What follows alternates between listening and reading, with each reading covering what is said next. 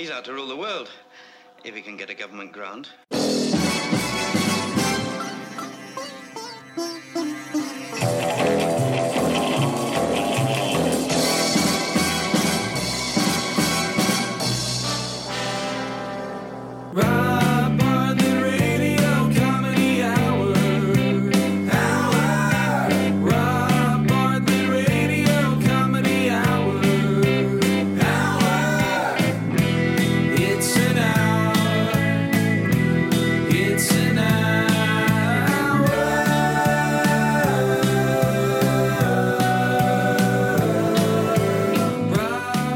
Welcome to the Rob Bartlett Radio Comedy Hour. I am Rob Bartlett, and this is my Radio Comedy Hour. We have another great show for you this week. The special St. Patrick's Day slash Passover show. Uh, we get the final chapter of Rifle Smoke, our Saturday afternoon Western movie serial. A visit from our old friend, and, and my by old I mean old in the absolute sense of the word.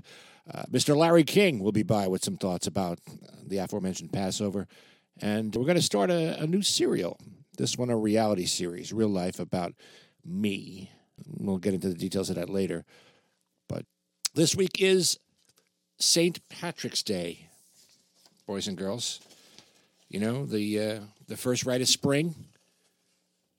A lovely way to welcome uh, spring, birds chirping, flowers blooming, grass growing, drunks pissing in the street. I, I don't know why every blue collar moron who has about as much Irish heritage as Antonio Banderas thinks it's important to celebrate the guy who drove the snakes out of Ireland by getting shit faced on green beer.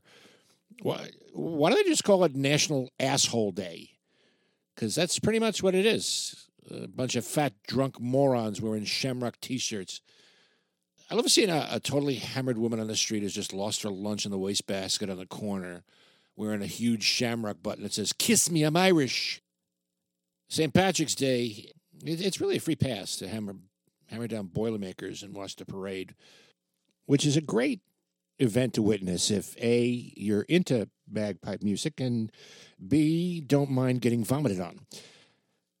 I, I'm I'm not that crazy about uh, St. Patrick's Day, which I, I think you've already deduced. Maybe it's because I'm not that big a fan of boiled meat.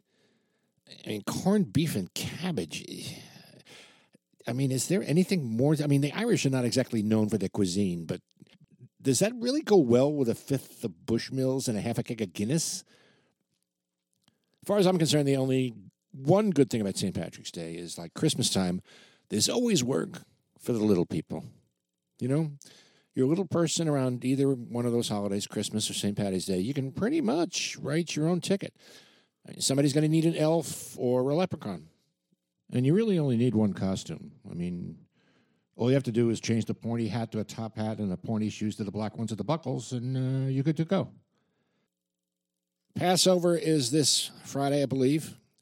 And here to uh, give us a little insight, a couple of observations on uh, one of the more sacred of the Jewish holidays is our good friend, our old, old, old, old, old good friend, Mr. Larry King. Larry? Larry King Live. Well, here's how old the group I had at last year's Seder was. Betty White asked the four questions. Don't get me wrong, she looks great for 97, but let's face it, her vagina is a fire hazard. I'm big on inviting Goyim to the first night of Passover because it's easy to mess with them. Like when we get to the why is this night different from every other night part? I like to say, because tonight we get to kill another Gentile. Then I hold up the shank bone and say, This is what's left of Jimmy Hoffa. I'm not Orthodox, so I don't exactly adhere to Ashkenazi tradition. For example, I usually serve shrimp cocktail and ham sandwiches with a nice big glass of milk. I'm kidding. I never mix meat and dairy. Not because I want to keep kosher, but because it gives me gas. I had an interesting group Jo Anne Worley, Charlotte Rae, Morgan Freeman. There's a guy with absolutely no sense of humor. He got all huffy when I gave him a hat and asked him to drive Dame Judi Dench to the 7 Eleven when we ran out of Ritz crackers and onion dip. But the highlight of the evening was when John Madden hid the afikoman in his pants. That guy's got smegma older than Justin Bieber. Of course, as is tradition, we left the door open in a vacant place setting. Not for Elijah, but for Miss Angela Lansbury. You know, the last time she got a pap smear, they found the Shroud of Turin. Scarce Grease, Alabama. You're on with Eli Wallach.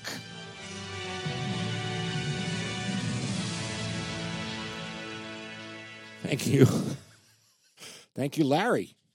Now, we want to get another perspective on, on the Passover holiday, maybe another angle. And so we we called upon another one of our good friends, one who we respect, because respect is the big thing. So, ladies and gentlemen, please welcome with another observation on Passover, the Godfather Don Vito Corleone. Mille grazie. I wondered if maybe, uh, perhaps, uh, you could do me a favor. Uh, of course, Godfather, wh- whatever you want. Uh, You could act like a man! It's a joke, of course, you understand. I just lighten things up. Uh, there's a comedy hour. There's not a lot of comedy going on. With all due respect to Hyman Roth, I think it's time for a Sicilian Passover. You know, join with our Jewish brothers in a spirit of camaraderie. I suggest we have our own Italian version of a Seder, where we pay tribute to our ancestors in the struggle against persecution. The Jews from the Pharaoh and the Sicilians from the RICO Act. We hold a traditional dinner, a, a blessing over the first cup of Chianti. There will be four. And then the washing of the hands, you know, to, to get rid of the evidence. Then the dipping of the broccoli rabe in the salt water, the breaking of the bread. Then there are le quarto domande, the four questions. In Italian, of course, instead of the Hebrew. Perché questa notte è diversa da ogni altra notte. Why is this night different from every other night? Because on this night we leave an empty place setting for Giovanni, who's not with us because he's serving 8 to 10 for racketeering. Why on this night do we not have roast pork? Perché non era fresco, la salchicha sembrava meglio. Because it wasn't fresh, the sausage looked better. Why on this night do we dip the bread in the Sunday gravy twice? Perché è bene per voi. Because it's good for you. Perché non chiamiamo al federale per lì a loro Anthony Dos Scarpi a chi? Why do we not call the feds to tell them that Tony Two Shoes is here? Because you'd be smart to keep your mouth shut if you know what's good for you. Then we speak of the four sons Fredo, Santino, Michael, and Tom. And then there's more hand washing to get rid of the fingerprints because there's a van across the street that looks suspicious and may have some audio listening equipment and and then finally there's the ritual hiding of the gun. And the child who finds it gets a prize. Usually a no show, no work job at a construction site. And then the pronouncement L'anno prossimo in Sicilia. Next year in Sicily.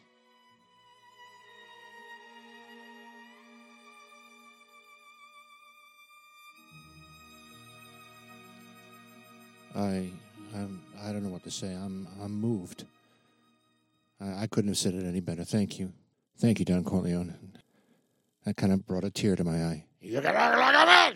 Uh, don't forget, you can watch Ruthless Spectator Presents, some of our best sketches from the Ruthless Spectator comedy website. Uh, it's available right now on Amazon for your streaming and downloading pleasure. If if you have Amazon Prime, get this now. Here's the bargain for you. It's absolutely free. If not, it's very cheap. You won't believe how cheap it is. Uh, but you'll get maximum yucks for your bucks. Go to Amazon, search Ruthless Spectator, and it'll bring you to us. Watch, and then review it because the more reviews we get, the easier it is for folks to find us. You get, I don't know, put up higher in the search hierarchy or whatever. Uh, now, coming up a little later, uh, we're going to start that new reality series, the uh, the real life one about me. Basically, I'm going to chronicle my rise, fall, and rise as a comedian, writer, and actor uh, with stories, anecdotes from my 40 some odd year career. And of course, some of them will be from my uh, my 31 years with the Imus in the Morning program, which is really the most significant thing in, in my career. Without that connection, I I couldn't have done Broadway or guest starred on TV series or got uh, some amazing stand up gigs. When all when all is said and done, you know all the great stuff I've achieved in this business is a direct result of my association with Don Imus. So that'll be coming up in a little bit. Uh, but first, it's time for another message from our good friend, Mr. Bud Sperlo. Hey there, it's me, your old friend, Bud Sperlo. Today, I got something that's just for all you men out there. So, right now, I will wait while any women who might be inadvertently listening to this particular commercial, I will wait for them to leave the room, because what I am about to say is just for men. Okay, go on now. I'll wait. Okay, have all you women's left? I hope so, because men, I want to talk just to you, man to man, sort of bud to bud, if you will. I know that many of you out there are not always as manly as you might otherwise prefer. In other words, when it come to wood, many of you got nothing but kindling. I mean, when it's time to stand up and be counted, many of y'all are laying down like a bird dog what don't hunt. That's right, it is called ED. And ED just ain't the name of that waitress down the greasy spoon you've been eyeballing. ED stand for erectile dysfunction, which is a fancy way of saying y'all been shooting pool with a piece of spaghetti. And I mean a piece of cooked spaghetti. Let's face it, many of you men out there are no longer al dente. Your dente has been spente. Your penis is too poop to poke because your pecker done petered out. That's why you need to come down to Bud Sperlo's Erectile Dysfunction Barn, your one stop shop to work your one eyed Willie Nelson into the shape it were when you first started using it. At Bud Sperlo's Erectile Dysfunction Barn, we will return you to where you will be able to lay on your back and people will be able to tell the time off your shadow. And all for just $19.99. Now I know you're saying, Bud, how do you do that? Bud, how do you do that? Easy, with my space age patent pending process called Vacuum Splint, a highly complicated device that uses the scientific principle of the vacuum coupled with the simple method of a wood brace. My trained technicians will tend to your tallywhacker in the most loving yet completely professional way. Each one is a beautiful, non judgmental lady who will apply one treatment in my modern medical marvel man meat machine. And when they're done, you'll have yourself a Colonel Porker you'll be proud of. That's harder than the third grade. And that puppy gonna last you for weeks. And you know how? How? Once you got your rooster boosted to keep it that way, we apply part two of the process, the man splint. A non-invasive, scientifically designed tongue depressor that goes on and off your baloney pony easier than finding a hooker at a truck stop. Take it off when you're ready for business, and once you're done bringing your lady to that blissful state of post-coitus reverie, slap it back on to preserve the turgidity. And what's more, she wants an encore, you'll be ready to go for seconds. In virtually seconds. So, men, if your new new has gone bye bye and your wife's new hairdo ain't the only thing what's gone limp in your house, don't spend all your money on Cialis. See us instead at Bud Sperlo's Erectile Dysfunction Barn, located at 329 Baylor Boulevard, just a half a mile before the off ramp of the Midas Peak Expressway, directly across from Bigelow's Butchered Pork Byproducts and Cooter Williams Cash and Carry Apothecary. If you see Dooley Williams Barbecue Pit and Youth Ministry, you've gone too far. And remember, if you didn't get your ED treatment at Bud Sperlo's Erectile Dysfunction Barn, you probably got it somewhere else.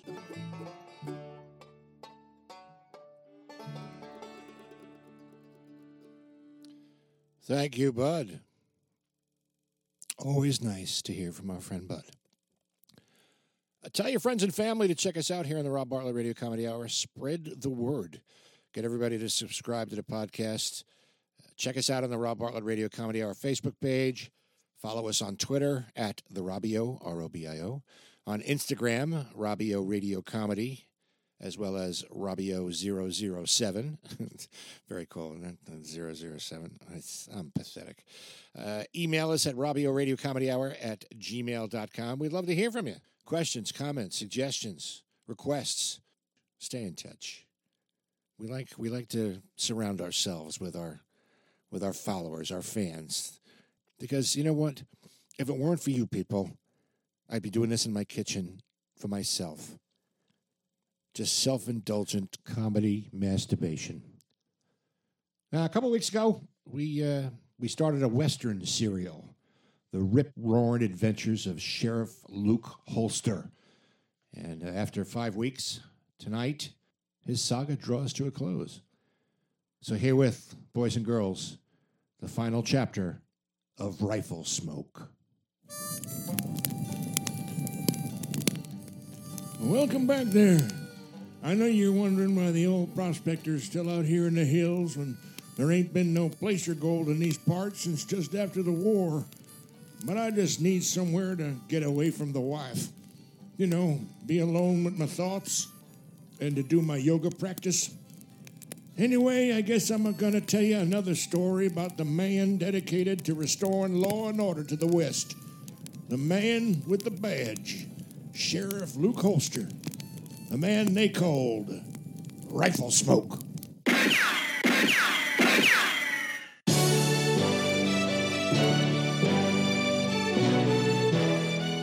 After she professed her love for the sheriff and he rebuffed her affections, Miss Liza's heart was broke.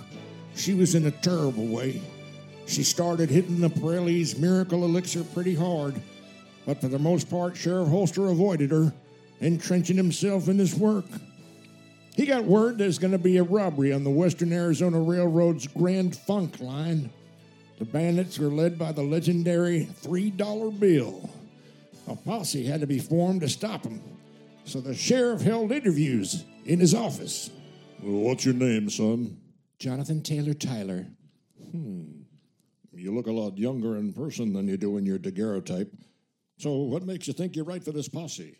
I got an inordinate sense of morality and an obsession with ethical behavior in social situations. It says here on your resume your special skills are horse riding, dialects, accordion, and you're a baritone with a G belt.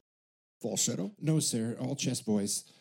I'm also a crack shot. Well, there'll be no need for guns, son. I know there are those who believe that civilization can only be defended from barbarians by men with guns, but I believe that once you pick up a gun, you become a barbarian yourself. Show up tomorrow in front of Mr. Drucker's general store. Noonish. How come you won't let me audition for the posse, Sheriff? Oh, Limpy. Your asymmetric antalgic gait that results in a hobbling stride is only compounded by your good leg being broken by kinder, gentler Jake Smutty, formerly known as Hateful Jake Smutty. You would stay back here in case something should need to be taken care of here in town. So much for special needs casting. What was that? Oh, nothing. Well, before you knew it, noonish come round and the posse assembled in front of Drucker's general store. All right, fellas, you know what to do now. Three dollar bill is not a man to be trifled with. Now, due to my fear of horses, I'll need one of you to pull the wagon I'll be riding in. Doc Moeller, would you be so kind? Uh, certainly, Sheriff. It would indeed be my pleasure. Although it might be a bit bumpy, I'm not used to these Western saddles. A tad rougher than our British ones, I'm afraid. Oh, pish posh. Get on now. Uh, hang on a second, Sheriff. Uh, I'm joining the posse. Miss Liza, you're in no condition to ride. You're absolutely reeking of Pirelli's miracle elixir. I just had a teeny weeny little bit. and a couple of laudanum. you know, just to take the edge off. Limpy, take Miss Liza inside my office until we get back. With pleasure, Sheriff. I guess not being part of the posse is going to pay off after all. Come on, Miss Liza. I'll make you some strong coffee. And while it's a brewing, I'll show you an interesting birthmark I have on my Let's go stop three dollar bill. Here! Limpy, did Sheriff Luke say three dollar bill? Oh, the posse rode up to Old Thingamus Pass to intercept the train. Here she come, boys. Three dollar bill and his gang should be here any second. Hey, we got dibs on this train. Don't you chutney ferrets get any ideas? Allow me to introduce myself. Sheriff Luke Holster. Pretty fashion challenge with that outfit of yours. Those tag sale chaps are hideous. Don't you ever accessorize? Three dollar bill with the authority vested in me as sheriff by the people of Calamity, Arizona. I hereby arrest you. Oh, what a brute. Well, I got six reasons why you won't arrest me, Mary. Right here in this Colt Dragoon I got in my hand. You'd better draw, Sheriff. Bill, I abhor violence of any kind, especially gun violence. That's why I don't carry one. Really? Well, in that case, No, Bill, don't! Miss Liza! Oh, Bill, you beast! Liza, what are you doing here? When she heard it was you who was fixing to rob the train, she begged me to take her out here to stop you.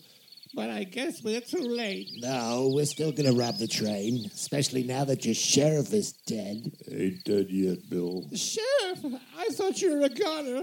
No, he just winged me. I don't think he was trying to kill me after all.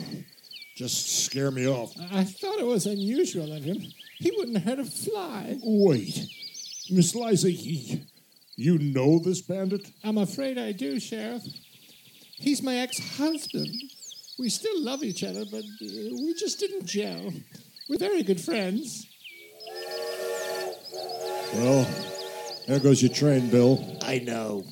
I reckon we won't be robbing it today. I ain't in the mood no more.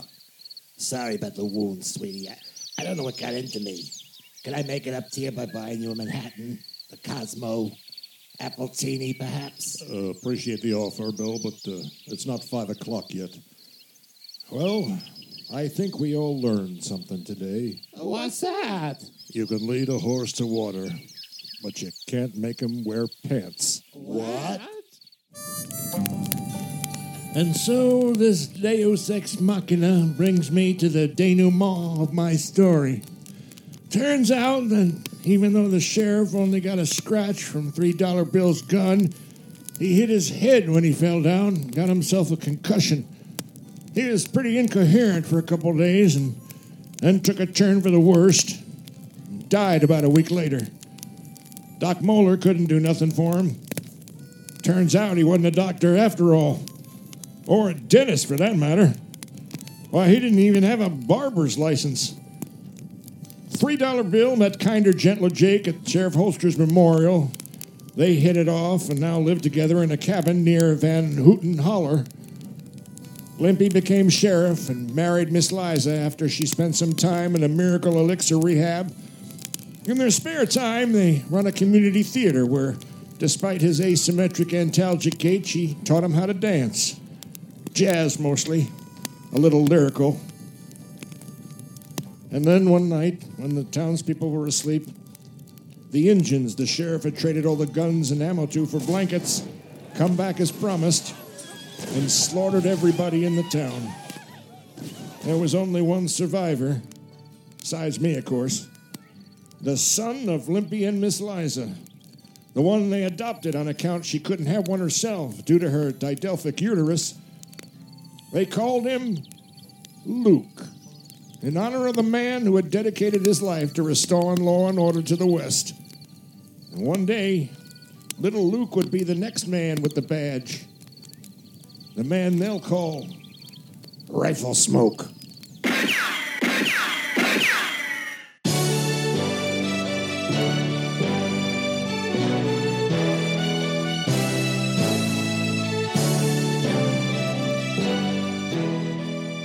Wow. That's that's an ending for you. I, I love how all the pieces fell together. Nothing, you know, out of the blue. Nothing gratuitous introduced at the last minute to try and tie up loose ends. You know what that is, boys and girls? Say it with me. That's, That's precision. That's craft. That's right. Thank you, boys and girls. Now, this week we're going to be doing um, something new. We're going to start a new series, a new reality series about my crazy ass career, the past 40 years, and all the really insane things that have happened, all the cool things that have happened. Uh, many, many stories. Years on the road as a stand up, doing Broadway, doing TV, a couple movies, but also a lot of stories about my 31 years as part of the Imus in the Morning program. None of that would have happened if I wasn't part of that show. So join me as I stroll down memory lane.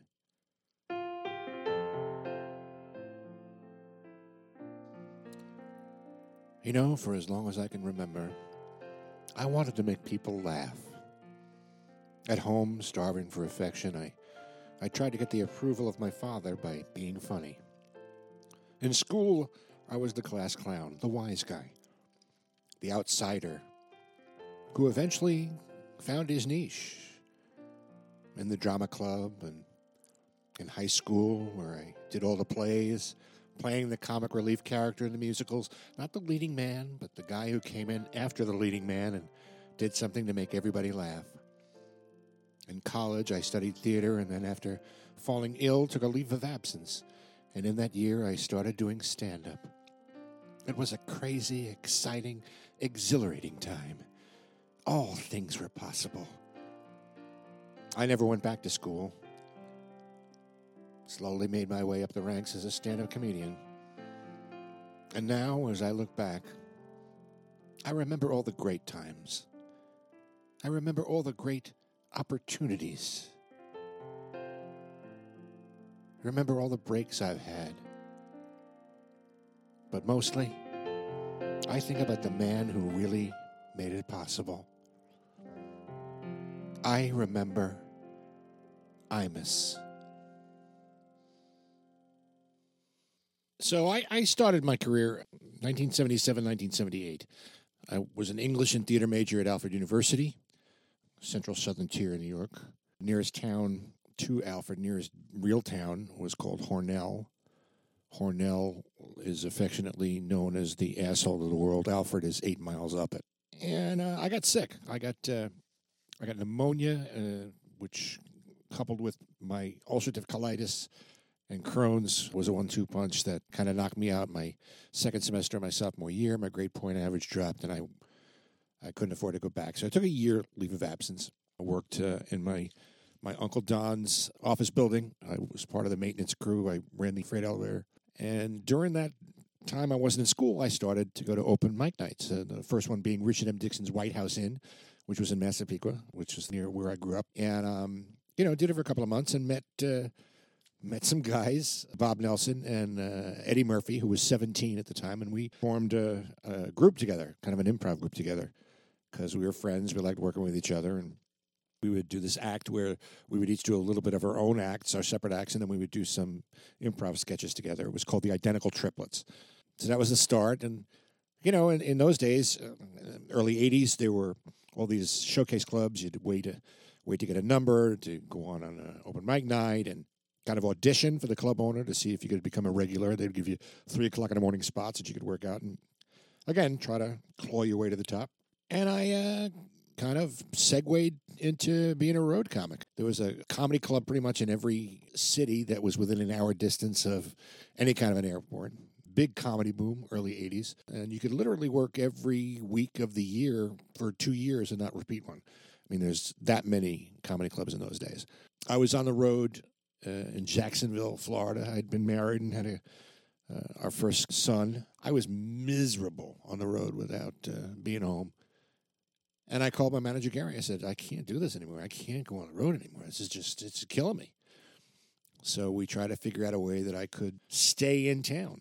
So we uh, we started this club 1407, which was in the in the Garment District of Manhattan, 38th Street and Broadway and started to do kind of a one man show kind of a thing. Four walled the place on weekends because it was empty, Friday and Saturday nights, and uh, started doing my act with a couple of guests here and there. You know, guys I worked with on the road, like Jeff Foxworthy, Ray Romano, and guys like that, and um, worked there for a number of months, and then got sick again, and I was out of commission for a good six months in uh, in the hospital, and came out. I kind of had to start all over again. Uh, I started coming back bit by bit, doing little gigs here and there, slowly coming back into the into the business. And I was doing a benefit at a club called Jimmy's Comedy Alley, which is an old bowling alley in Bayside, Queens. And I was doing a benefit for uh, one of those Make a Wish deals. I think it was the Starlight Foundation. It was called. Was looking for a way to promote it. And I was doing a one nighter Jersey gig with a comic by the name of Mark Sheff, who also happened to be Imus's producer. This is in the days way before Bernard McGurk, when Imus was still at WNBC. You know, we're talking in the car, and, uh, you know, I'm driving, and I told him I had this benefit and wanted to try and promote it because it was a good cause. And he said, Well, why don't you come in and do the Imus show? You know, do it on, on Fridays. We do comedians on Fridays. And I had I'm very familiar with. I mean, I used to listen to Imus when I was in high school. It was on my clock radio. I'd wake up to him. I heard some of the legendary, legendary things that he did in those days at NBC. I remember once they he played Elton John's "Don't Let the Sun Go Down on Me," and then coming out of the record, he comes on and says, "Oh, let your son go down on me. How about your daughter?" Right into a jingle, and then you know organ music for the rest of the show. So I said, "Sure, you know, I'd, I'd love to, you know, meet him, and you know, I was a fan, and and it'd be kind of cool to do the show." And um, I went in on a, on a Friday morning. It was like seven o'clock, which in those days, you know, being a stand-up comic, you know, was really getting up early. Uh, took the train into the city and uh, showed up. You know, he couldn't have been more gracious. Very, very friendly, warm, welcomed me, and started just kind of interviewing me and and goaded me into going into my stand-up act. And at the time, my signature bit was Tom Carvel. Uh, it was a kind of a character piece. I did three three characters. Tom Carvel, this guy who owned the Carvel store, Louis Panabianco, and his wife, um, who was uh, from the old country and didn't really speak English, and his daughter, who unfortunately had a problem with her feet, but he couldn't afford to get her the operation to fix her feet because he had to give away half price ice cream on Wednesday. Wednesday is Sundae, which was the Carvel promotion at the time. And Tom Carvel was famous for doing his own commercials on radio and TV. You know, it was like a four or five minute piece. I'd done it on a Showtime Big Laugh Off. That got me a, a spot on the old David Letterman show when he was at NBC. You know, hello, my name is Tom Carvel, and I own the Carvel Ice Cream Supermarket, where you can get the super smooth, super rich Carvel ice cream. And when I hit the part where I said ice cream, I lost it.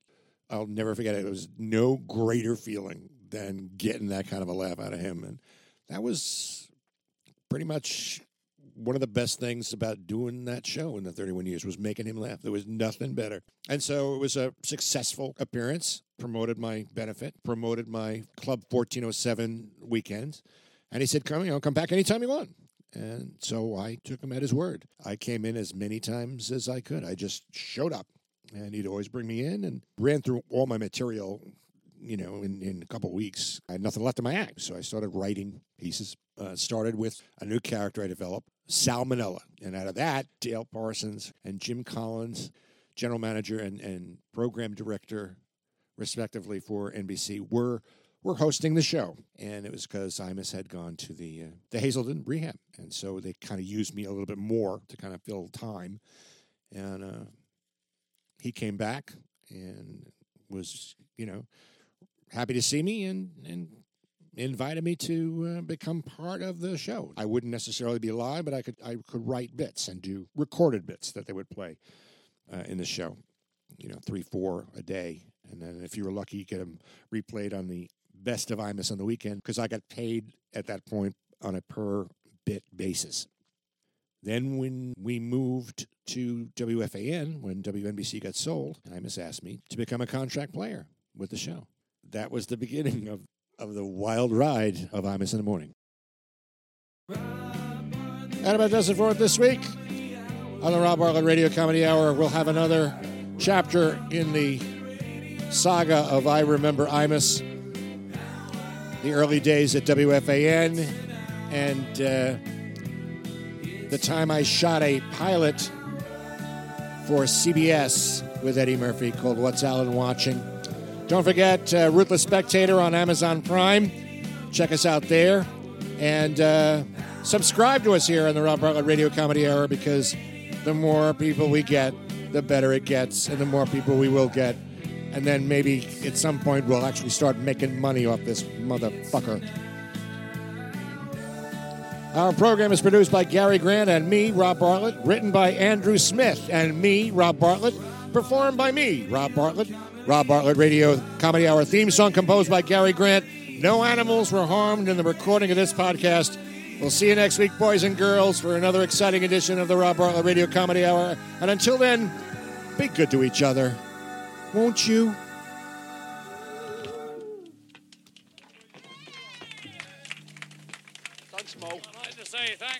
Behalf of the group and ourselves, I hope we pass the audition.